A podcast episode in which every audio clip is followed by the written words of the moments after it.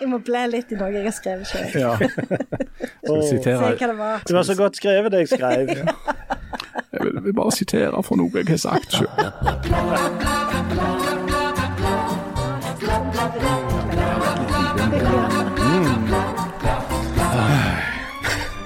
Fra Ukraina kommer det en jevn strøm med elendige nyheter, og kanskje noen små positive. Ellers, i Iran er det opptøyer, og gjett om Jan har vært i Iran. Janne tror forresten at Phil Collins vinner Nobelprisen i litteratur, og Harald får et spørsmål som tyder på at han har vært i Sandnes. Har du?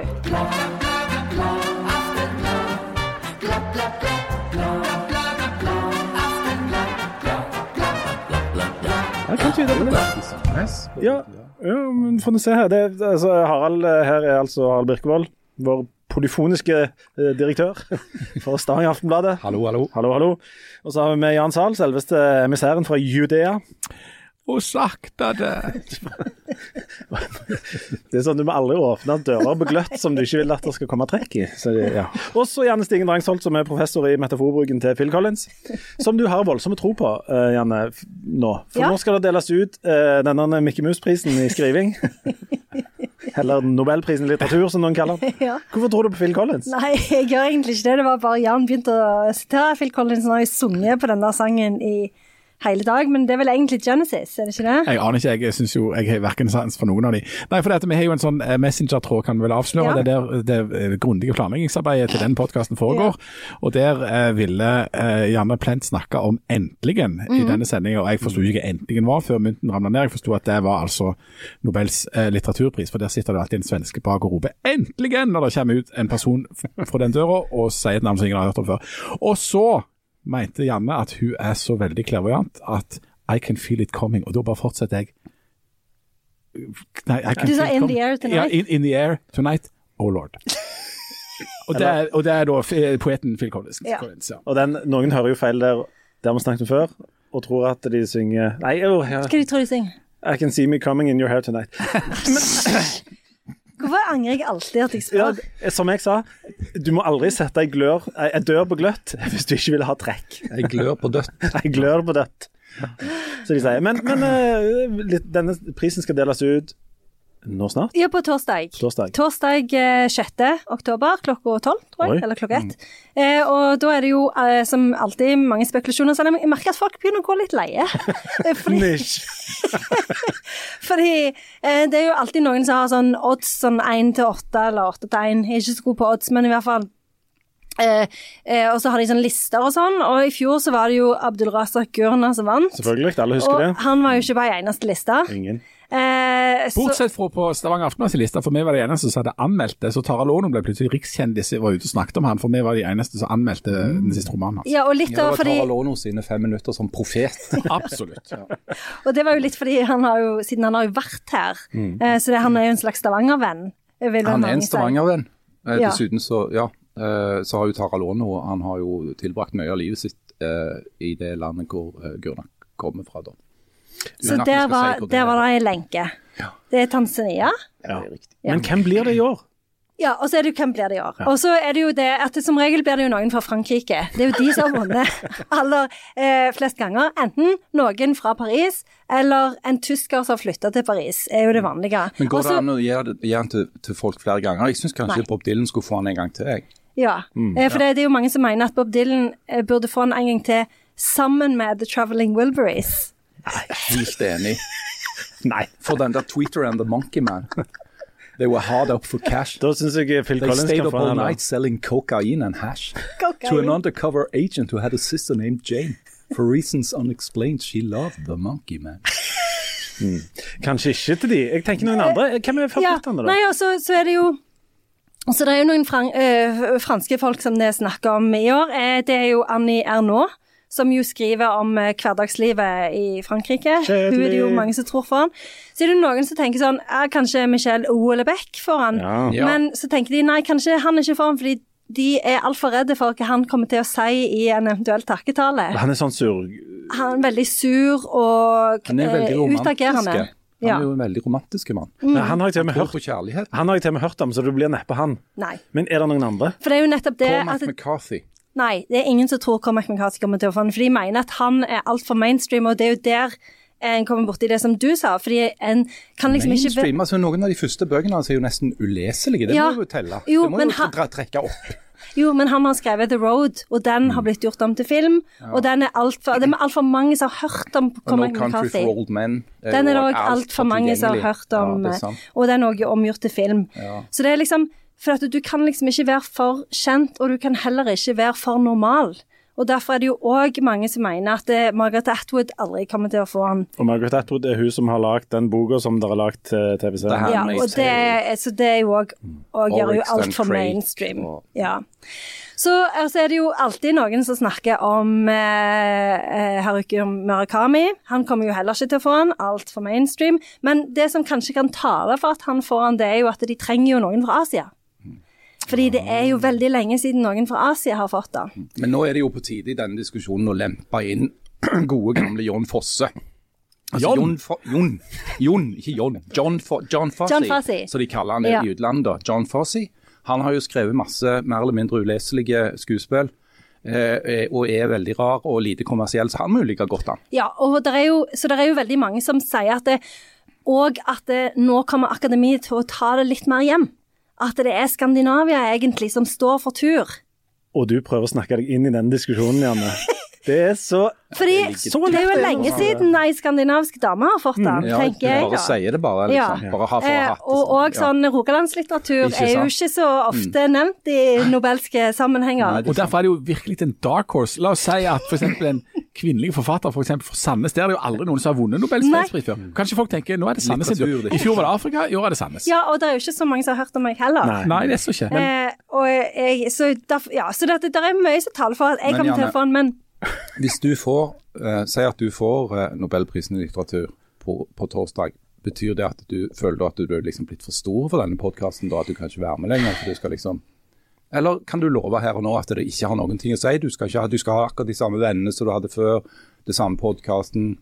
Jeg har jo alltid tenkt at jeg skulle være litt sånn Paul McCartney om det. At liksom, ungene mine skulle fortsette å gå på vanlige skoler og sånn. Eh, så, men det Men kan være at er jeg sikker. Nei, jeg, Nei. det er jo litt som uh, i Seinfeld, liksom når, når eh, du blir lege, så dropper du bare den du er eventuelt er sammen med, og alle vennene, og bare beveger deg Du går opp videre. et hakk, sant? Ja. Men for, det, for, oss, for oss andre, da, så hadde det jo vært jækla stas liksom, å, være den, sikkert den eneste podkasten, iallfall i Skandinavia, kanskje i Norden, eller Europa, som har med en eh, nobelprisvinner i litteratur.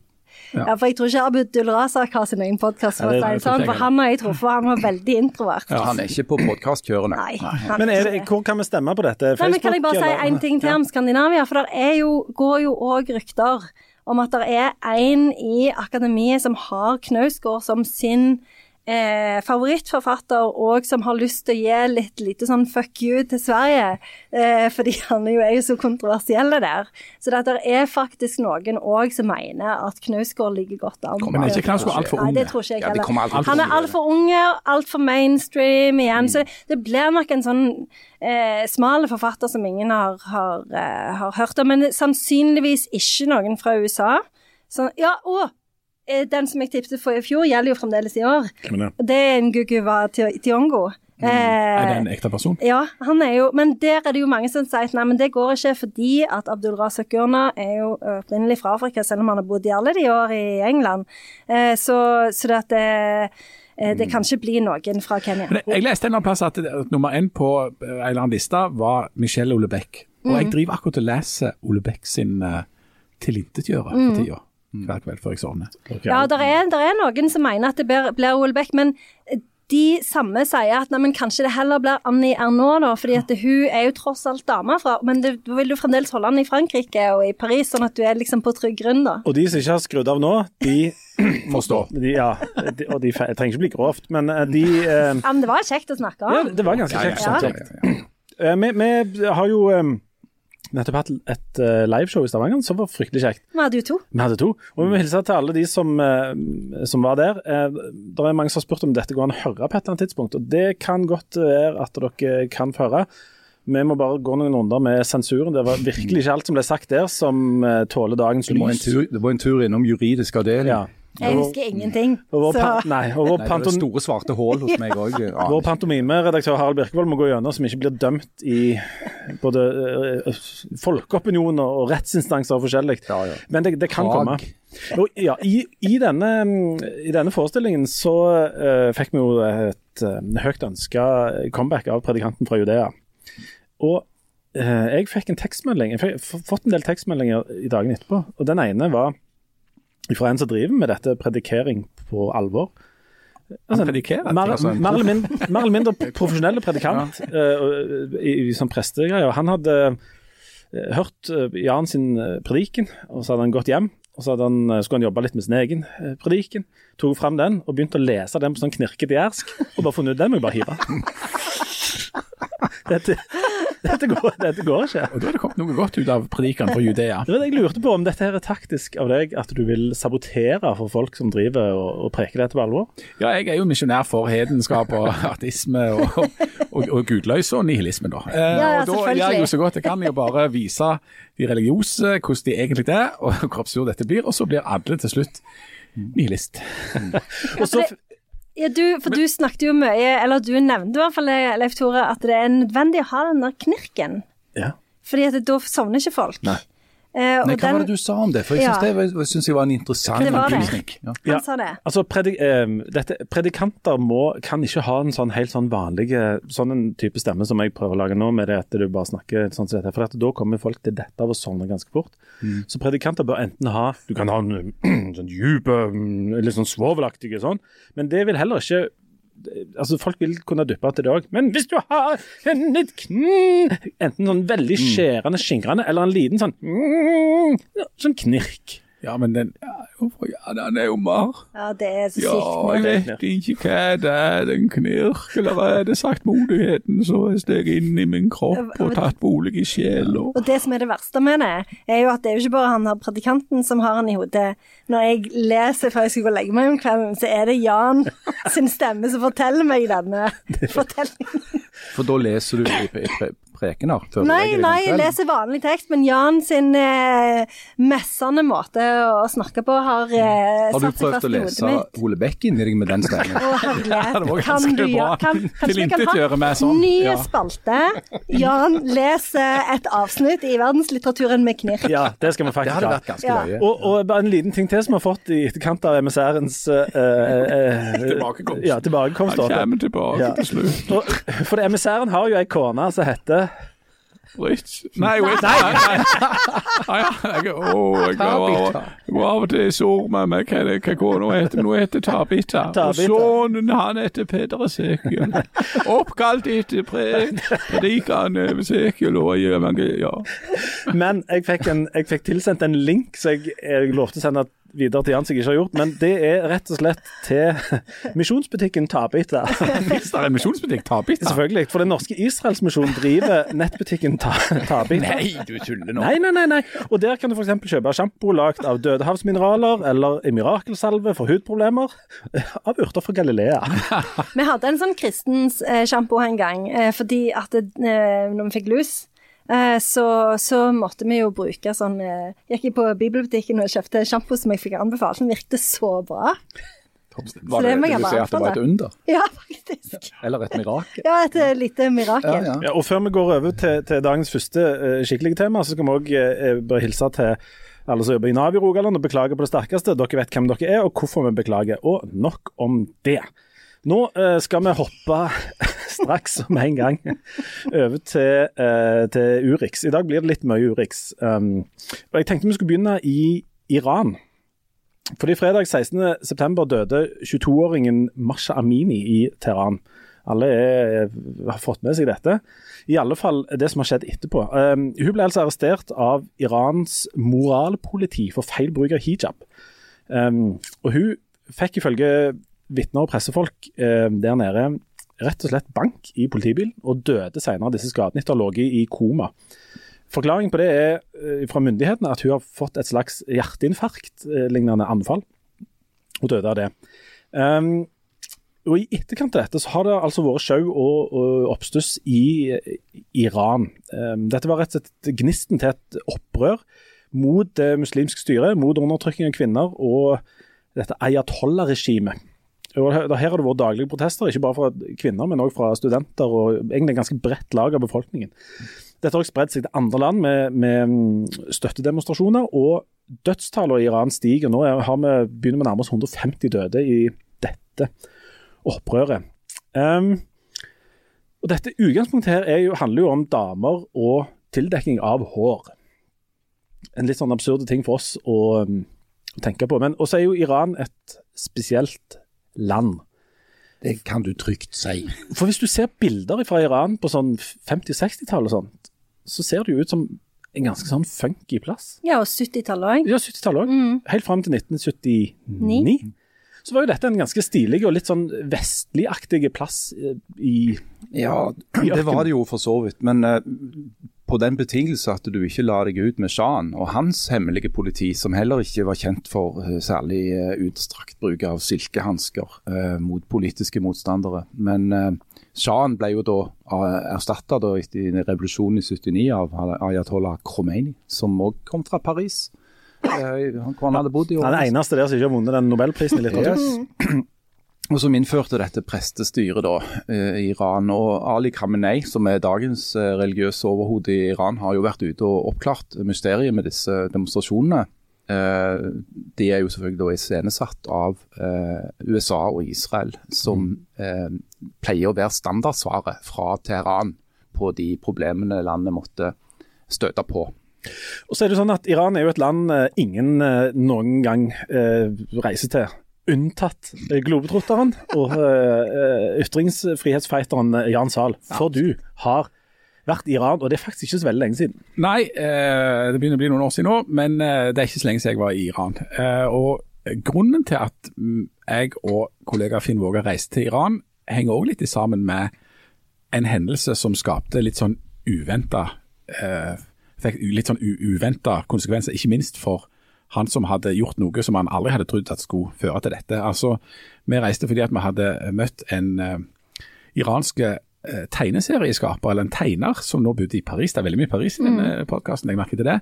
Og Der havna han etter å ha flykta i mange år, fordi at han hadde tegnet uh, en tegning en gang for et barnemagasin i eh, Iran, eh, der han tegnte en mann som snakket, til, som snakket med dyr. Han snakket til en kakerlakk, og kakerlakken svarte med et ord som han som tegnet det ikke visste at var et ord ifra en minoritet i Iran. Men dette ble oppfattet som en fornærmelse mot dette av disse folka, så de oppfattet dette som at det var nærmest sånn statlig organisert nedrakking av dem, og at de ble sett på som kakerlakker. Dette førte til noen opptøyer rundt omkring i Iran som førte til at flere folk døde. Han som hadde tegnet tegningen ante ikke at han gikk over grensa. Det var ikke hans intensjon i det hele tatt. Han eh, omtalte seg selv som en feiging som prøvde å holde seg innenfor disse grensene for hva du kan si og hva du kan gjøre, men, men havna plutselig i fengsel og, og, og, og kunne potensielt fått, sett få ei veldig lang straff. Men det illustrerer noe av det som òg har skjedd med, med hun som nå har dødd, og, og det som er noe av problemet i et sånt et regime som dette her. At det finnes noen grenser som det ikke eksisterer i våre land for hva du kan gjøre og hva du ikke kan gjøre. Det går altså rundt et moralpoliti i gatene og passer på at du altså da ser ut på en spesiell måte. Og Det denne dama hadde gjort, var altså at hun hadde for mye hår ut forbi som var synlig. Når vi var i Iran, så var det sånn at folk i, i Teheran, som er en, en, en enorme by, og der det er og som egentlig er veldig, altså det er veldig oppegående folk, velutdanna folk, urbane folk, egentlig vestlig orienterte folk, som lever når de er hjemme hos seg selv, veldig vestlige liv. Da har de på seg moteklær, og de har håret fritt, og de lever omtrent som, som, eh, som andre. Ja, dette kan du se i en sesong av Le Byrå, eksempel, som viser noe av, av, av livet bak fasaden i Iran. Men de må være veldig klar over hvor grensene går når de går ut forbi. Men det er vanskelig å manøvrere helt i det, og du risikerer altså å bli tatt for noe som virker som en trivialitet og som en bagatell, og så kan det få helt sånne vanvittige konsekvenser for deg. Dette moralpolitiet, det er sånn som du Så dere dette på gaten? Gikk de med sånne store skilt 'Her kommer moralpolitiet', og så gikk de rundt og spankulerte der? Eller De, de, jeg tror de opererer mest på en måte sivilt, men, men folk kjenner de igjen og visste om de. Når vi kom til Iran eh, som journalister, da hadde vi jo sagt at vi var journalister, vi torde ikke reise der uten å si at vi var journalister, for hvis vi hadde blitt tatt i det, så hadde vi òg risikert eh, både ditt og datt. Men når vi kom der, så ble vi utstyrt med en, en slags eh, eh, kjentmann eller hjelpesmann, eller en sånn, en, en sånn assistent som ble tildelt oss av eh, Kulturdepartementet der. Og Det han skulle gjøre, var jo at han skulle selvsagt passe på hva vi så og hva vi eh, skrev og hva vi eh, rapporterte om. Han hadde et veldig tydelig blikk for hvor moralpolitiet var og hvor grensen gikk. Eh, det gjelder veldig mange forskjellige ting. Det gjelder jo det gjelder framfor alt damer, da, men, men jeg hadde f.eks. på meg sånn shorts på et visst tidspunkt en dag. og Da var spørsmålet om den gikk ned forbi knærne eller ikke. For jeg kunne, bli da, jeg kunne utfordre moralpolitiet hvis jeg hadde litt for høye shorts på beina. Jeg har jo sett beina. deg med litt høye shorts, og det er veldig utfordrende. Det er veldig veldig utfordrende. Altså, Det- er så ut, folk blir helt sånn. Altså, det skjer gang etter Det må, gang. det må være lov å være på lag med moralpolitiet akkurat det, for Ja. det er Ja. noe av det mest opphissende som finnes. Uansett. Ja, sånn at de, de vet hvordan de ser ut, de vet hvor de er, og de vet noenlunde hvor grensene går. Det merkelige er at de vet jo også hvor grensene går, sånn at de beveger seg innenfor de grensene. Så han, han, fyren som jeg var med, han var jo en enormt vestlig orientert fyr. Han var veldig fullt oppdatert på hva som sto i The Guardian og i Washington Post og, og, og liksom internasjonale medier gjennom Telegram, som er denne dette sosiale mediet som òg blir veldig mye brukt nå i, i uh, Ukraina, uh, altså som, som de ikke klarer å stenge. Uh, men så hadde han kunnet vise oss òg hvor f.eks. Uh, narkotikasalg og hasjsalget skjedde i, i eh, Teheran. Sånn at, og, og, og når vi var på eh, plasser der, så så vi damer som hadde håret fritt. Eh, fordi at de visste at akkurat her så kunne de ha det. Her var det en sånn safe zone omtrent. Um, og de, de, de fester, de eh, drikker alkohol, som jo er totalforbudt i det landet. Du får det ikke engang på internasjonale hotell, ingenting er der, men, men alt dette finnes da. Så det, så det er en, en, en enormt merkelig balansegang mellom et regime som er enormt strengt, eh, men samtidig bitte litt sånn pragmatisk, og en slags opposisjon og et folk som lever innenfor disse grensene, som av og til kan være litt utydelige. og, og, og og det, det virker enormt komplisert altså, å manøvrere i. Og Det høres eh, Harald, ut som eh, sånn kjempegod sånn grobunn for et opprør. Altså at folk egentlig er sånn i utgangspunktet ganske på kollisjonskurs med dette religiøse styret. Høres ut som en kruttønne, og det har vel Iran vært eh, i alle Ja, år? det- har jo vært flere tilløp til folkelige protester og opprør mot prestestyret i Iran i eh, alle år, egentlig siden revolusjonen i 79. Men de har òg alltid blitt slått ned. Eh, og Det er jo det som kjennetegner, mener jeg, da, styrer som Iran og eh, Saudi-Arabia, som også holder seg med sitt eget eh, moralpoliti. Den islamske staten, eller Daesh, innførte jo moralpoliti i de områdene de okkuperte, særlig i Syria, for, for bare noen få år siden. Men det som du ser i regimer som Iran og Saudi-Arabia, det er at du har en avtale, en kontrakt, mellom et prestestyre og eh, et sivilt styre, som har da maktapparatet på sin side, politi, hæren. Eh, og det er en enormt mektig eh, fiende hvis du er en eh, demokratiforkjemper. For disse her eh, prestene og de verts, sivile, verdslige makthaverne de er jo ensidig avhengige av hverandre. Og Det er en stor, formidabel fiende å bekjempe. Men altså, eh, Janne, du som er jo ekspert på hijab og hår og på Men altså det, altså det, det kvinnemessige i dette her, og liksom det, Vi har jo vært i den bisarre situasjonen nå i det siste at det har vært demonstrasjoner både i Iran, men òg i en hel drøss med vestlige land.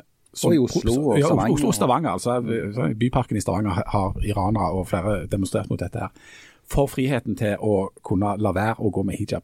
Men det er òg demonstrasjoner der kvinner går rundt i gatene, om det var i Paris eller i i New York, som demonstrerer for at de skal ha på seg eh, hijab. Altså for friheten til å ha på seg dette plagget, som av den andre sida blir regna som et undertrykkende plagg, og som noe som er pålagt. Det er jo en, en bisarr verden. Ja, det er utrolig komplisert, og jeg leste nettopp en, sånn en kommentar hvor han mente at noe av problemet med i Iran er nettopp dette her med at det er staten som dikterer at du skal ha på deg hijab, og hvor enormt stor det forskjell det var mellom det og på en måte en sånn en religiøs tro, da, eller bare det at kirka sier, eller moskeen, eller liksom de, altså lederne i kirka sier at du skal ha på deg eh, hijab. Og det er jo litt For eh, en feminist fra Sandnes er det jo vanskelig å skjønne at det skal være en forskjell, fordi at det er, jeg, jeg går jo veldig lett i den retning at jeg tenker at det er jo, et religiøst påbud er jo eh, ideologi. Det er jo, har jo med eh, å på en måte sette folk i en spesiell bås og et spesielt sånn makthierarki, eh, hvor en bestemmer eh, at eh, OK, menn må ha shorts som går ned gjennom eh, under knærne, men kvinners eh, bevegelsesfrihet ble jo langt mer eh, eh, begrensa, og det går jo inn i et sånn et eh, behov for å kontrollere kvinnekroppen som en har sett i alle slags eh, politiske regimer opp gjennom historien. Så, så jeg syns at det er så utrolig vanskelig. På den ene siden så støtter jeg jo dette med at selvfølgelig skal du få lov å velge å ha på deg hijab, men samtidig så er det jo noe veldig problematisk med dette her tanken om at kvinner sitt hår skal være så problematisk å se. At hvis det er synlig, så blir det liksom kaos i, i gatene. Eh, Fordi jeg var i København for en måneds tid siden og fikk eh, eh, se en del ting og fikk korona litt uh, forskjellig artig. Du så jo både dette og henne. ja, ja, det var jo 20 års bryllupsdag, så det var ikke måte på hva en fikk. Uansett. Nå kom jeg helt ut. Jo, vi, eh, meg og huset jeg er gift med for øyeblikket har vært i 20 år, eh, har skulle ut og spise. Og Da skulle vi gå eh, opp til Nørrebro, over denne her Nørrebroen, som han vel heter. Og Der kom det plutselig tre politibiler kjørende. tenkte vi, Men kjørte veldig seint, tenkte vi sånn, litt sånn lat eh, dansk politi. Men nei da, bak disse tre politibilene så kom det altså tusenvis av eh, damer og menn med sånne plakater. sånn eh, 'Ikke rør hijaben min' og eh, 'Mitt eh, hår, mitt valg' og sånn. Og det var altså enormt mange. En protest for å få lov at, at ikke staten eller noen andre skulle blande seg inn i dette hijab-greiene. Og som for meg òg sånn i utgangspunktet ser veldig sånn sprøtt ut. Særlig fordi her går det masse damer, mer eller mindre heldekte, rett på sida av sine menn, som gikk i på en måte samme klærne som folk brukte på nattklubbene der, og gikk med sånne 'ikke rør hijaben min'-skilt. Og Det skjer da samtidig med at resten av verden, eller andre deler av verden slåss for å få slippe. Så dette må jo handle om noe mer komplisert enn bare det der plagget. Jeg skulle, jeg skulle nesten tro at det handler om at damer vil bestemme sjøl. Harald, innspill? Ja, det skulle tatt seg ut. Eh, Skal vi ha det sånn? Ja, nei, det kan vi ikke. Vi kan ikke la det gå så langt. Men selvfølgelig så handler dette her banalt sett, eller enklest mulig sagt sett, om du går med hijab frivillig eller fordi du er nødt. Uh, I et civil, altså et et, liberalt samfunn som vi liker å være, så kan du ikke nekte folk å gå med et plagg hvis de absolutt vil, med mindre det er snakk om Altså Si at du jobbet på postkontoret og hadde et sterkt ønske om å gå i naziuniform, så ville du sannsynligvis ikke få lov til det. Eh, Kanskje akkurat Posten faktisk kunne vært Nei, nå ikke, lov til det. Å, nei, posten. Ikke, ikke det. Okay. Men altså, det er grenser i vårt land òg, i vårt samfunn òg, for, hva slags plagg du har lov kan ta på deg, og, i hvert fall hvis du har en jobb, si. Um, men det, det er liksom det er noen ganger vanskelig å forstå det der. Altså, det er jo det, det liberale dilemmaet, om igjen og om igjen. Akkurat som du må tolerere at folk sier eller ting du reagerer på og syns er kjipt sagt, så må du òg tolerere at folk vurderer ting annerledes enn deg når det gjelder hva de vil ha på seg. Personlig så sliter jeg jo med å forstå eh, dette voldsomme behovet for å gjemme seg, eh, som mange tydeligvis har. Eh, men hva kan jeg si om det? Nei, det, Jeg kan si noe om noe lignende på det. Men jeg mener jo da at du, er oppe i det som er den klassiske diskusjonen som stammer rett og slett ifra, ifra eh, revolusjonen i, i eh, Frankrike. Og Holebæk. I 1789. Eller ja. eh, Sånn. Altså, skillet skille mellom kirke og stat, og hvorvidt det skal være noen statlige regler som skal gjelde over de religiøse, det er jo jeg en varm eh, forkjemper for. Det betyr f.eks. At, at at staten er styrt etter noen verdslige regler som ikke eh, utgangspunkt i en religiøs tekst, enten verken Bibel eller Koran. Det vil f.eks. si at staten kan si at i dette landet så er det ikke lov å omskjære. For eksempel. Ja, det kan du gjøre. Fordi det er ja, Du må gjerne si at det er en kulturell skikk, eller at det er en, noe som er religiøst fundert, men det får du altså ikke lov til, for det bryter med, med menneskerettene og lovgivninga i dette landet. Så har vi jo vært en diskusjon her. Skal, skal damer kunne gå i nikab, altså heldekkende, eh, på skolen eller, eller i det offentlige rom? Eh, og der kan en si at nei, vet du hva, på skolen da skal vi kunne se hverandre i ansiktet. Du får ikke se øynene, eller du skal kunne se hverandre og møte hverandre. Sammen, altså, eh, Frankrike er jo et av de landene som, som mest reindyrka kjører det skillet. Mm. At, det var det Men det har ikke vært ukomplisert i Frankrike heller, Jan. Nei, det- har jo nei, det er vært ikke ukomplisert. Masse saker for Ja, domstolene og sånn. Men, men en diskusjon som jeg mener presser seg fram, det er jo spørsmålet om såkalte barnehijaber. Eh, altså hvor du har foreldre eller andre foresatte som forlanger at jentebarn i, i skolealder, i småskolealder, eh, skal være tildekka. Eh, hvor du kan problematisere det og si at det skal ikke små barn bli, eh, ha, ha rett til å bli skjerma fra den type eh, religiøse, skråstrek kulturelle krav. Eh, og få lov å være like alle andre unger Men skiller det seg, I norsk skole. skiller det seg veldig, veldig fra å si at eh, unger bør ikke gå på søndagsskolen og bli skjerma for den type religiøse eh, påpressinger? Jeg mener at det er noe annet. for Hvis du går i skolen, du er en klasse, eh, så skal du sitte der som den ene eller den ene av to jenter som er under et plagg, mens alle de andre slipper det. Eh, som må ha tilrettelagt svømmeundervisning fordi at du har eh, begrenset bevegelsesfrihet. ikke sant? Som må dusje eh, på en annen tid enn de andre ungene fordi at de har ingen som har lov å se dem. Altså, Unger på åtte år ser jo basically ganske like ut. Hvorfor skal det være en den type forskjellsbehandling eh, pga. Eh, kulturelle slash religiøse krav hjemmefra? Jeg syns det er en diskusjon som er verd å ta, for disse ungene har ikke valgt det sjøl. Det er noen som har valgt det for dem. Og så er det bare jentene. Eh, Så er det vi, har, jentene. vi har jo ikke dette problemet med, med, med guttene. Og det er jo symptomatisk at det er jentene og damene som er problemet i alt alle. Det er helt umulig å forholde seg til, umulig å forstå seg på. Det er veldig stress, og vi har jo snakket om det før. Eh, hovedproblemet er jo at livmor kan løsne. Eh, og det kan det uansett hvor du bor. hen Er vi over i helsespalten? Ja, men det er når du driver med skihopp. Ja. Men det er jo sånn som Harald sier, at f.eks. for eksempel hvis en eh, eh, altså, For dette, det å, å, å, å um, si til eh, en åtteåring da, at du skal ha på deg hijab, er jo én ting, men alle de andre konsekvensene som det har, det, sånn som du sier med svømmeundervisning, så er det jo det OK, men kanskje eh, det barnet ikke lærer å svømme, da, mens broren hennes gjør det. Eh, eller at eh, hun ikke får lov å spille fotball, for det er litt stress å spille fotball med, med altså det, fordi det, det, den, det hijaben kan bli eh, et ytre tegn på, er jo bevegelsesfrihet.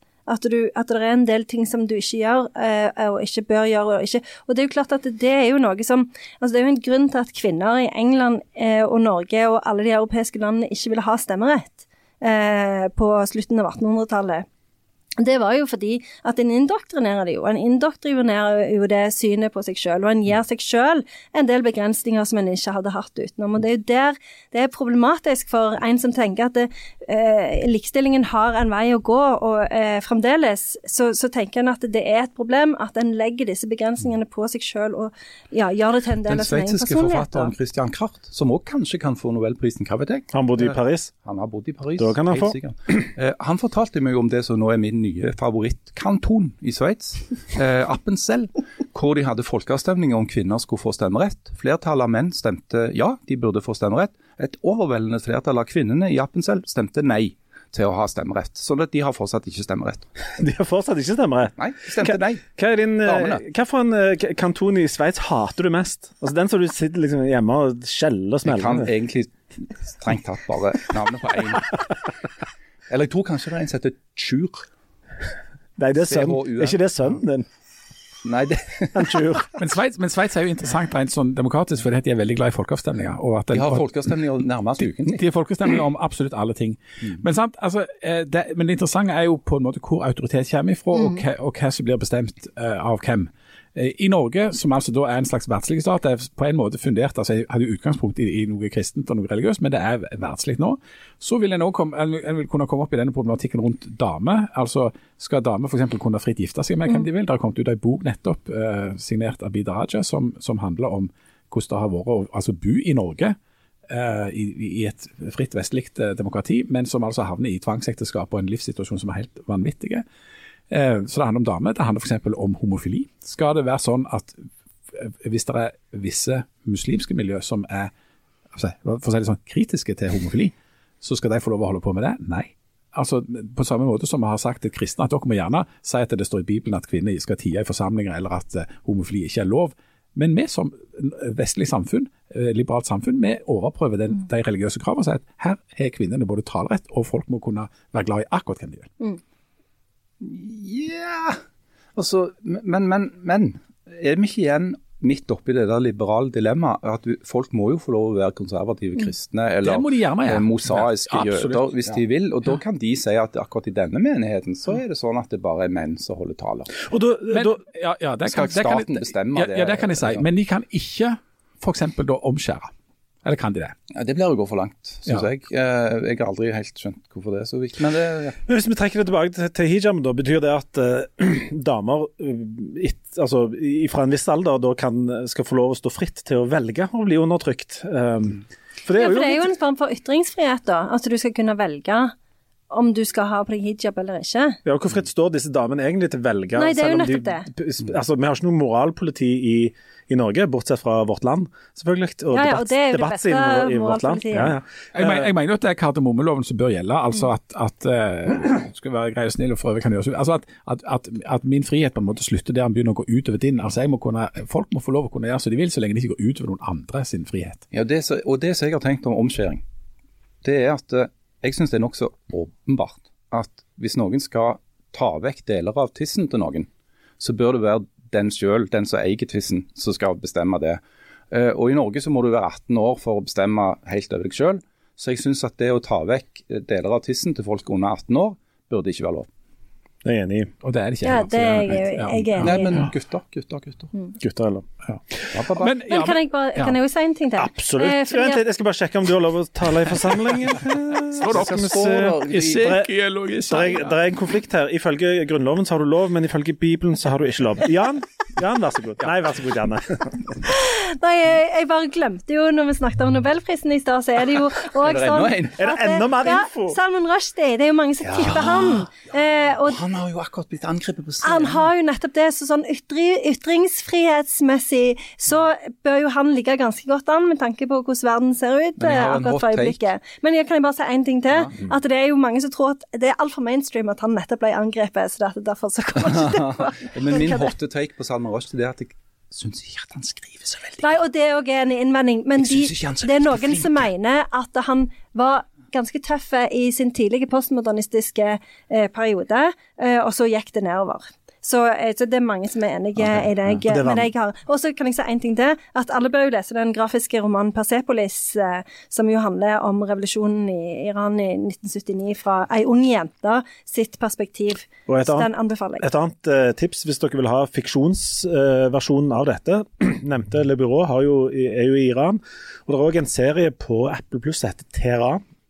Den tar utgangspunkt i konflikten mellom eh, Israel og Teheran. Men den Det er jo en spin-off av eh, Fauda. Ja, den, men den gir òg et uh, overfladisk og lettkjøpt bilde av den der, uh, den der dualiteten med det offisielle samfunnet og det som finnes på sida, særlig blant de rike unge. For der går det for seg, så den kan dere òg se. Vi må ta en liten pause. Så skal vi gå fra dette litt deprimerende greiene til noe som er enda mer deprimerende. Vi snakker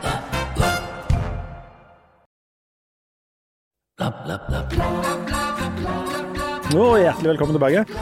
Vi har altså eh, forlatt Iran. Um, det er det nok mange som skulle ønske de kunne gjøre nå. Um, vi glemte jo å si om Iran at det er jo et komplisert land sånn økonomisk og uh, sånt. Det er ikke bare bare å reise fra Iran eller inn i Iran. Um, etter mange år med sanksjoner og den type ting. Men nå skal vi hoppe litt lenger eh, nordover til Ukraina og Russland, noe vi snakket veldig mye om for en stund siden. Så er det jo sånn at uh, vår eh, alles interesse for denne krigen går litt sånn i bølgedaler. Men det virker som om det har skjedd en del ting her de siste ukene, Harald, som uh, at ting har, Det har skjedd mye, det har eskalert litt, og uh, ting virker litt sånn farligere. Ja, jeg er, jeg er blitt mer og mer sikker på at det har ikke vært så farlig som det er nå i min levetid, altså de siste 55 åra, og kanskje ikke siden begynnelsen av den kalde krigen. Eh, altså eh, etterspillet etter andre verdenskrig. Eh, blokaden av Berlin og usikkerheten om, om Stalin ville holde fredsavtalen den gangen var stor, og det var en reell krigsfare. Men situasjonen sånn som han framstår nå, eh, med opptredenen til Vladimir Putin, Det som jo har skjedd siden vi snakkes inn i disse mikrofonene sist, er jo at eh, Russland har beslutta å annektere fire fylker i eh, det østlige og sørlige Ukraina. Eh, Det har de gjort etter å ha eh, arrangert eh, såkalte folkeavstemninger. Eh, Der det altså har vært eh, folkeavstemninger etter at alle som kunne tenkes å stemme annerledes enn eh, Russland ønsker, enten er drept, på flukt, i fengsel eller trua til taushet. Du har begynt på de tre kjedelige minuttene, sant? Nei, jeg har ikke det. De, det blir noe enda kjedeligere senere. Men, men saken er at den anneksjonen eh, er farlig, for den kan for dette bl.a. Eh, gjøre at Russland kan hevde at fortsatte kamphandlinger i disse regionene, som de liksom nå har gjort om til en del av Russland, er et angrep på Russland. Eh, og det er jo dessverre sånn at det er sterke krefter i Russland, ultranasjonalister, på eh, influensere, politiske influensere, som kan kalle det det, som jo i stadig mer rabiate ordelag tar til orde for bruk av taktiske atomvåpen. Bl.a. Han her tsjetsjenske krigsherren Russland Kadyrov, som har eh, Han er ikke helt god. han er ikke spesielt god. Eh, han er jo en av de viktigste militære støttespillerne til Putin. Og har stått for mye av rekrutteringen av, eh, av soldater til krigen i Ukraina. Eh, har jo nærmest gjentatt dette her, eh, med atomvåpen daglig i det siste. Eh, og, men samtidig som at dette skjer, så har Ukraina hatt en ganske betydelig militær framgang. Eh, flere strategisk viktige byer har blitt forlatt av russerne bare nå i løpet av de siste dagene, og fronten flytter seg nærmest fra time til time. Eh, sånn at på slagmarken så går det jo slett ikke særlig godt for Russland. Men de tror med Men dette atomspørsmålet er stadig oppe. Og Jan, dette er jo din ungdomsskrekk med atomkrig. Har du begynt å kjenne på angsten og svetten? Jeg har jo, jeg har jo fortalt før om at i starten så, så, så kjente jeg den angsten i kroppen som noe fysisk, rett og slett. At jeg måtte på et visst tidspunkt skjerme meg litt for flere nyheter fra Ukraina. Og den samme følelsen fikk jeg på fredag, rett og slett, i forrige uke. Eh, der, eh, det er rett og slett en, en fysisk reaksjon på nyhetene som kommer, og jeg tenkte at nå må jeg skjerme meg igjen. Så jeg har faktisk heldigvis roa meg litt i de neste dagene. Det kan eh, muligens være en slags form for tilpasning, eh, men, men eh, det er ikke minst òg fordi at jeg har hørt på eh, en hel del som kan mye mer om dette her enn meg, altså en del sånne militære eksperter, som minner om at denne raslinga med den atomvåpensabelen, den har nå foregått hele tida, men iallfall minner om at det her, så, vil ha så kolossale konsekvenser for Russland hvis de bruker eh, det våpenet, at de tror at det er eh, det sitter veldig langt inne. De, de sier jo samtidig at det er på en måte nærmere enn før, men, men at det er en lang vei dit, og det velger jeg på en måte å håpe på. Altså, det er jo to måter å bruke atomvåpen på. Den ene er den der eh, taktiske, altså litt sånne små eh, bomber som du kan smelle av på, eh, på slagmarka. Den andre er sånn strategisk som du sender til et annet kontinent med sånne langtrekkende. Der er vi jo ikke. Så det, det det var snakk om er jo, er jo det, sånn lokalt. Men der er det mange problem. Eh, når jeg hører sånne militæreksperter som sier at det er uklart hva slags militære effekt det vil egentlig ha om de bruker det på en annen eh, bataljon fra Ukraina. Altså At, at, at det er sånn militært er, er komplisert. Det, du risikerer fort at det er nedfall over russiske områder, russiske styrker. Eh, skal de, hvordan skal de kunne forholde seg til disse områdene hvis de er radioaktive? Altså Det, det er så mye der, i tillegg til den helt massive Eh, altså Det vil, vil kommet en, en slags respons, det er jo skummelt å tenke på da. Eh, sannsynligvis ifra, ifra det internasjonale samfunnet, og politisk og økonomisk og på alle vis. Og så er det jo interessant å merke seg at selv om eh, det er noen viktige land som India og Kina som da ikke har vært med på å fordømme like sterkt som Vesten, ikke er med på, på en måte straffetiltak på samme måte som Vesten, så var det sånn at når, når denne anneksjonen av disse fire fylkene var oppe i Sikkerhetsrådet i New York, så stemte, så, så avsto Kina og India fra å stemme, istedenfor å stemme med Russland. Og Det blir tolka som et slags signal om at det òg er grenser for hvor mye India og Kina er med på. Kina er ikke interessert i atomkrig. Nei, det, altså hvis, Ikke jeg heller. Nei, nei. altså hvis, hvis Russland hadde brukt taktisk atomvåpen i Ukraina, så ville sannsynligvis eh, Beijing snudd seg mot dem. Ja. Eh, men det som òg skjedde, eh, nokså parallelt med, med disse hendelsene på slagmarken i Ukraina, var jo disse eksplosjonene i gassrørledningene i Østersjøen. Nord Stream 1 og 2, russisk eikte, Gazprom-eikte rørledninger som skulle forsyne Tyskland eh, og kontinentet med russisk gass. De gikk jo i lufta. Eh, førte til et massivt utslipp av metangass i, i eh, Østersjøen.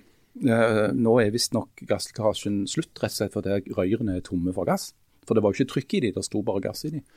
Eh, men det har jo ført til også frykt for eh, hva som kan skje med gassrørledninger og installasjoner på norsk, eh, britisk og dansk eh, sokkel. Fordi at nå er det jo sånn at det er Norge som forsyner store deler av Nord-Europa med naturgass. Og så kommer disse meldingene om sånne droneobservasjoner i Nordsjøen og med norske installasjoner. Da, Janne, da begynner vi altså, Krigen er jo verst i Ukrai for ukrainerne, ikke sant? og i, i, tillegg til en del russere som dør der nede. Men nå begynner det å komme, det er litt sånn close to home etter hvert. Ja, det er det, og vi kjørte til Kopervik eh, på søndag eh, for eh, å se på en fotballkamp. Oh, ja, okay. ja. Eh, og da var det jo plutselig sånn, hvorfor er det så mange heimevernsbiler? Eller vi skjønte jo ikke det var Heimevernet, da, men det var jo militærbiler som kom rullende mot oss. Og da virker det som en veldig sånn uoversiktlig situasjon, for det var jo før vi hadde fått vite at de skulle øke vakt vaktholdet på mm. installasjonene ja, i det området. På Kårstø. Mm. Uh, og det, da kjentes det veldig sånn close to home, uh, og veldig sånn uoversiktlig. Mm. Så, så det, jeg syns òg at det er Kjenner det litt sånn fysisk, sånn som Jan sier. Er vi mm, i ferd med å bli en part i dette litt mer enn det vi hadde tenkt? Ja, Vi har jo vært en part i dette helt siden egentlig eh, Norge bestemte seg for å eh, bidra til våpenforsyninger til Ukraina. Eh, så har jo Norge vært i gåseøyne en deltaker i den militære konflikten. Dessuten så er vi det jo òg per definisjon gjennom å være medlem i Nato. Eh, vi er forplikta av den samarbeidsavtalen og de, eh, og de kravene Nato-medlemskapet medfører. Eh, men jeg tror jo kanskje at de, altså disse droneobservasjonene og det at plutselig har norsk sokkel blitt trukket inn i et sånt der sikkerhetspolitisk spill, har kanskje altså Hvis du skal lete etter noen lyspunkter, så kan jo et lyspunkt være at vi har fått fjerna en del av den der litt norske naiviteten når det gjelder eh, sikkerhetsspørsmål. For det er jo nokså åpenbart at hvis Gud forby denne konflikten skulle komme ut av kontroll eller spre seg og involvere Nato direkte, så vil jo norsk olje- og gasseksport være et helt naturlig mål for en fiende å ramme. Fordi det rammer energiforsyningen, det rammer òg eh, eh, internettet. For det at veldig mange internettkabler ligger i de samme traseene som de undersøiske eh, gassrørledningene. Så det er helt åpenbart at eh, norsk territorium, norsk sokkel, vil være et militært mål hvis det skulle bli en sånn konflikt. Men vi får jo for guds skyld håpe at det aldri skjer. Men når vi eh, ser på Putin herifra, Jan eh, Det er ikke En blir jo ikke wow. veldig oppstemt og, og, og optimistisk, for han virker jo riv ruskende, rablende galne, isolerte og ja, den, den, politiske utfordringen er jo hvordan all verden du skal finne en vei ut altså hvordan han skal kunne finne en vei, en vei ut fra en situasjon som på ingen måte har utvikla seg sånn som han hadde tenkt. Og Det er jo ikke så lett å peke på akkurat nå. hvordan det skulle være. Og det, og det er jo den paradoksale situasjonen at framgangen til Ukraina, som vi heier på der, og som jo er en konsekvens bl.a. av at vi har vært med å forsyne med, med våpen, på et vis gjør det hele farligere. Fordi at du er en kar som sitter der og, og, og og er i ferd med å tape ansiktet og liksom skjemme seg ut for hele verden, hvordan reagerer han da? Mm. Eh, det er noe drit. Ja, altså Putin har nok tenkt at det, det, ville skje det samme nå i 2021 som skjedde i 2014. Altså når, uh, når Russland valgte å invadere på en veldig sånn eh, liksom liksomaktige måte Krimhalvøya ved, ved, hjelp av soldater som ikke var i uniform. Eh, og fikk til en relativt rask maktovertagelse der. De fleste opposisjonelle ble jagt på flukt. Eh, de, de, fikk kontroll eh, i, i, territoriet ganske raskt. Gjennomførte tøyse folkeavstemning på vanlig måte og erklærte dette som en del av Russland. Så reagerte jo EU og Nato med å si ja vel. Eh, det var dumt, det burde dere ikke gjort, men vi vil fortsatt ha gass. Eh, og Så fortsatte de økonomiske samtalene, og, og pengene strømte inn eh, til Moskva for, for, disse gassleveransene. Eh, denne gangen var det annerledes. Denne gangen slo um, ukrainerne tilbake. For det, det ble jo klart at det var ikke bare de fire fylkene i sør som var målet opprinnelig. Det var jo å ta Kiev og sette inn et russiskvennlig regime, som de jo hadde i perioder på 2010-tallet eh, og få til en allianse mellom Ukraina og Russland. Når det slo feil, så hadde tydeligvis ikke Putin en skikkelig plan B. Og det var de tre kjedelige minuttene? Det, ja, det kan godt ha vært. Skal vi ta tre kjedelige minutter med ett? Vi kan ikke snakke om sånn krig og Nei, og det, det, ja, dette er jo, de, det er jo deprimerende sånt. Men altså, både i Iran og i Ukraina så er det jo noen sånne små kimer til håp. Altså, I Iran er det jo et sånn folkelig opprør mot noe de aller fleste av oss eh, ser på som en uting. Um, til og med meg og deg, Janne, er jo imot sånn eh, knallhardt prestestyre. Litt for litt prestestyre, men ikke sånn som det der. Laust prestestyre. Og, og i all elendigheten nede i Ukraina, så er det jo sånn at ukrainerne har jo framgang på veldig, veldig mange fronter. Så det er jo ikke Altså, det er jo mørkt, men det er ikke bekmørkt. Det fins litt lys inni her. Si ja. Det finnes alltid litt lys. Har ikke du en Trygve Skau-kopp eh, så du kan trekke fram nå på dette Ja. tidspunktet? Jeg, jo, jeg kan trekke fra Jeg hadde faktisk tenkt å spørre Harald om det. fordi det Det der med Trygve Skau. Ja, for, for noen eh, Du var jo litt eh, ute av drift her en gang, og da snakket vi veldig fint om deg. Og så nevnte vi jo denne store ja, samlingen du har av Trygve Skau-kopper, mm. som du nå har rydda vekk og påstår du ikke har. Men i etterkant av det så har Trygve Skau blitt en del av ditt liv. Han har på en måte det. Og, og det, Fortell. altså, det har, saken er at det, det er jo en sånn demonstrasjon av dette med algoritmer, tror jeg. For det at eh, etter at dere eh, sa alle de, de stygge og sårende tingene om meg den gangen jeg lå hjemme og var syk, eh, takk for det. Eh, så, og, og det ble så mye jazzing om dette med Trygve Skau som jeg ærlig talt ikke ante fantes. Så var jeg jo inne på, eh, på Mac-en min da, og så googla Trygve Skau. Prøve å finne hvem er dette her. Eh, jeg fikk en melding fra Trygve Skau. Eh, og, og så ble jeg klar over hva han finnes. Det er en person som skriver dikt. Greit. Men nå har jeg begynt å få reklame for Trygve Skau-effekter. Eh, eh, Oppmuntringer til å komme på boklanseringer.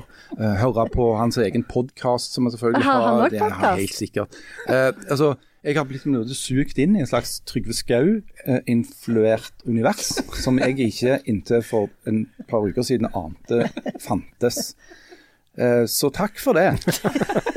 Jo, men det, der, Vi skal prøve å ikke nevne Harald Birkevold og Trygve Skau i samme setning igjen. sant? Men ikke, Harald Birkevold og Trygve Skau skal holdes atskilt, sånn at ikke Harald Birkevold og Trygve Skau havner i sånne opp. For dette er et eller annet nifst. Altså, bare, bare, bare fortell en litt sånn random, men likevel eh, aktuell opplysning.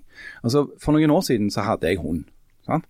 Og så døde den hunden, eller vi måtte ta livet av den for han ble gammel og syk.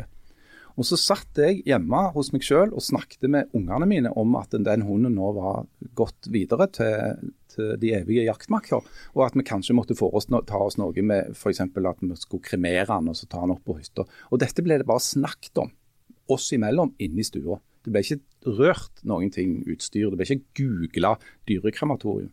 Hva skjedde? Dagen etterpå så fikk jeg opp reklame for dyrekrematorier i Facebook-feeden min.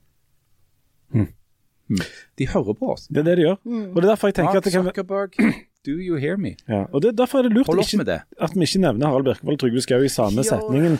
Sånn at du slipper at altså Vi kan ikke ha det sånn at Harald Birkevold blir overflemma med sånn Trygve Skau-info til enhver tid. Det vil jo være helt, eh, helt krise. Du, Helt til slutt, jeg lovte, lovte et spørsmål der vi skulle finne ut mer om Harald Birkevold. Ikke i forbindelse med Trygve Skau, men i forbindelse med noe helt Du annet. holder opp med det der. Og det er, jeg har en kilde i Sandveparken. Hæ? Og Det er ikke han blotteren som vanligvis pleier å stå der, men det er en annen. Um, min kilde i Sandparken har sendt meg ikke mindre enn tre meldinger. Tre dager på rad. Og den første er sånn eh, Hei, Aftenbladet. Sist søndag var jeg på tur i Sandparken. Der gikk jeg rett forbi en høyreist mann med sølvgrått hår. Han så nokså olm og mannevond ut. Derfor lurte jeg på om det kunne ha vært Harald Birkevold. Hilsen Trygve Skau. Ikke nevn Trygve Skau, Harald Birkevold, for da havner dere Men Nei, det var var ikke det? meg. Jeg har, ikke, jeg har, ikke vært, jeg har selvfølgelig vært i Sandveparken, okay. men det er, ligger noe tilbake i tid. Okay. Det var ikke meg. Dagen etterpå så kom denne. Hei, Aftenbladet. På mandag var jeg en tur i Sandveparken. Enormt mye tur i Sandveparken. Da ble jeg passert i høy fart. at ikke dette er blotteren. Ja, ja, ja. Jeg ble plassert, passert i høy fart av en liten rakett av et menneske. Hun så ut til å ha veldig dårlig tid, men veldig god kondis. Derfor lurer jeg på om dette kan ha vært Janne. Eh, ja, det kan ha Kan det ha vært vært meg. deg? Ja. Jeg tror eh, det var forrige mandag. Forrige mandag? eh, Det jogget- var om kvelden. Ja, det, ja, det sier ikke noe om, Nei. men jeg regner med at det er Ja, kveld. Ja, det kan stemme. Folk blotter, to, da. folk blotter seg ikke på dagen. Er du så veldig god kondisjon? du? Du har veldig god kondisjon. Men jeg, kanskje, det er veldig flatt i Sandparken, så akkurat der går det ganske bra. Og det kan ha vært tidlig i løypa. Ja, det, det er faktisk veldig tidlig. Ja, og så kommer siste melding, der det står eh, Den er litt kortere. Hei, Aftenbladet. Jeg så Jan, i- Jan sal i dag. Dette blir nesten for mye for meg. I Ja, Sandveparken? Nei, det står ikke noe om Sandparken der. Og vi vet ikke hvor. Men jeg lurer på om dette er et sånn litterært grep der vi skal, som skal få oss til å tenke. Var Jan òg i Sandveparken? Men det var bare en opplysning at vedkommende har sitt i hans. Ja. Men du har ikke vært i Sandparken, du? Ikke i Sandparken, nei. Så Nei. Sandveparken er en ganske fin park. Ja, det er en veldig fin park. Ja. Det er liksom en av de tingene som trekker veldig opp i Men Sandnes. ja, det er jo så mye som trekker opp. Eh, Skal vi åpne Storåen nå. Men eh, det eneste er litt synd med den eh, motorveien som går over midt i. Mm. Ja, han gjør jo det. Ja. Du kan bli frista til å tenke at det er sus i trærne, men så er det suset i Mm. elbilene. Jeg tror den plass skal jo kunne likt seg, Harald Birkevold. Han er veldig glad i litt sånn kultivert natur. Ja, det er det. Hvem tenker du på? Trygve Skau eller Harald Birkevold? Begge de to i lag. Harald Birkevold og Trygve Skau. Ja. Ja, hvorfor ikke de? De burde jo egentlig være litt sånn eh, venner. Hvem da? Eh, Harald Birkevold og Trygve Skau. Ja, det er sant. Så lenge algoritmen ikke fanger opp dette med Harald Birkevold og Trygve Skau, så, så tror jeg det skal gå bra. Nå eh, er vi ferdige. Vi er selvfølgelig Kjenner jeg at tilbake. jeg er veldig sliten. Gjør du det? Ja, jeg er veldig sliten. Helt sikker? Ja. Ja, vi kjenner det. Ja. Vi er selvfølgelig også tilbake i høstferien, um, men eh, nå lukker vi denne døra som vi slipper trekken. Så snakkes vi om ei uke. Det er veldig farlig med trekk. Det er veldig farlig Ja, det er ikke få trekk. Det er bare en ting som er farligere. Og det er gjennomtrekk. Det er den Ja, som tar liv. det er Det er den som tar liv. Men Du sa at eh, rushtid på en måte hadde gått litt nedover i den postmoderne perioden, men det har vel gått eh, utforbakke etter postmodernismen sånn i det hele tatt? Hva da, med rushtid eller sånn med Nei, sånn i eh, litteraturen? Ja. Ja. ja. ehm, Eller har det gått har det det? Nei, det går topp. jeg vil si det går topp. opp. Jeg, jeg vil si at postmodernismen var nedtur. Ja, for dette, nå eh, tenker jo jeg ja. For nå, eh, som jeg sa forrige uke, så holder jeg på å lese eh, Knausgård igjen. igjen. Eh, og eh, bare plutselig, endelig, eh, liksom skjønner jeg hvor enormt modernistisk han er. Og jeg skjønner ikke hvorfor ikke flere snakker om det. For dette, i motsetning til Joyce og Wolf, som jo er veldig sånn eh, Forskjønner veldig den der interne monologen, så gjør han den så flat som mulig. Og det er moderne. Ja, jeg vil si at det er et sånn et modernistisk trekk, så jeg lurer på om det er post-postmodernisme. Ja, det tror jeg. Ja. Ja. Da var det ja. klart. Mm. Skal vi ta en egen episode? Post, det er mye å melde. Post i butikkmodernisme, det Ja. er sånn Trygve Skau. Det er mitt Trygve Skau. Det er post, posten. Det er Post- post, Post post, på butikk. Ja. Ja, post Ja. i Post butikk. i butikk, post i butikkmodernisme. Ja. Det er kjempegodt uttrykk. Ja, takk. Den billige. Ja. Oi, jeg hørte det her først. Hørte det her først.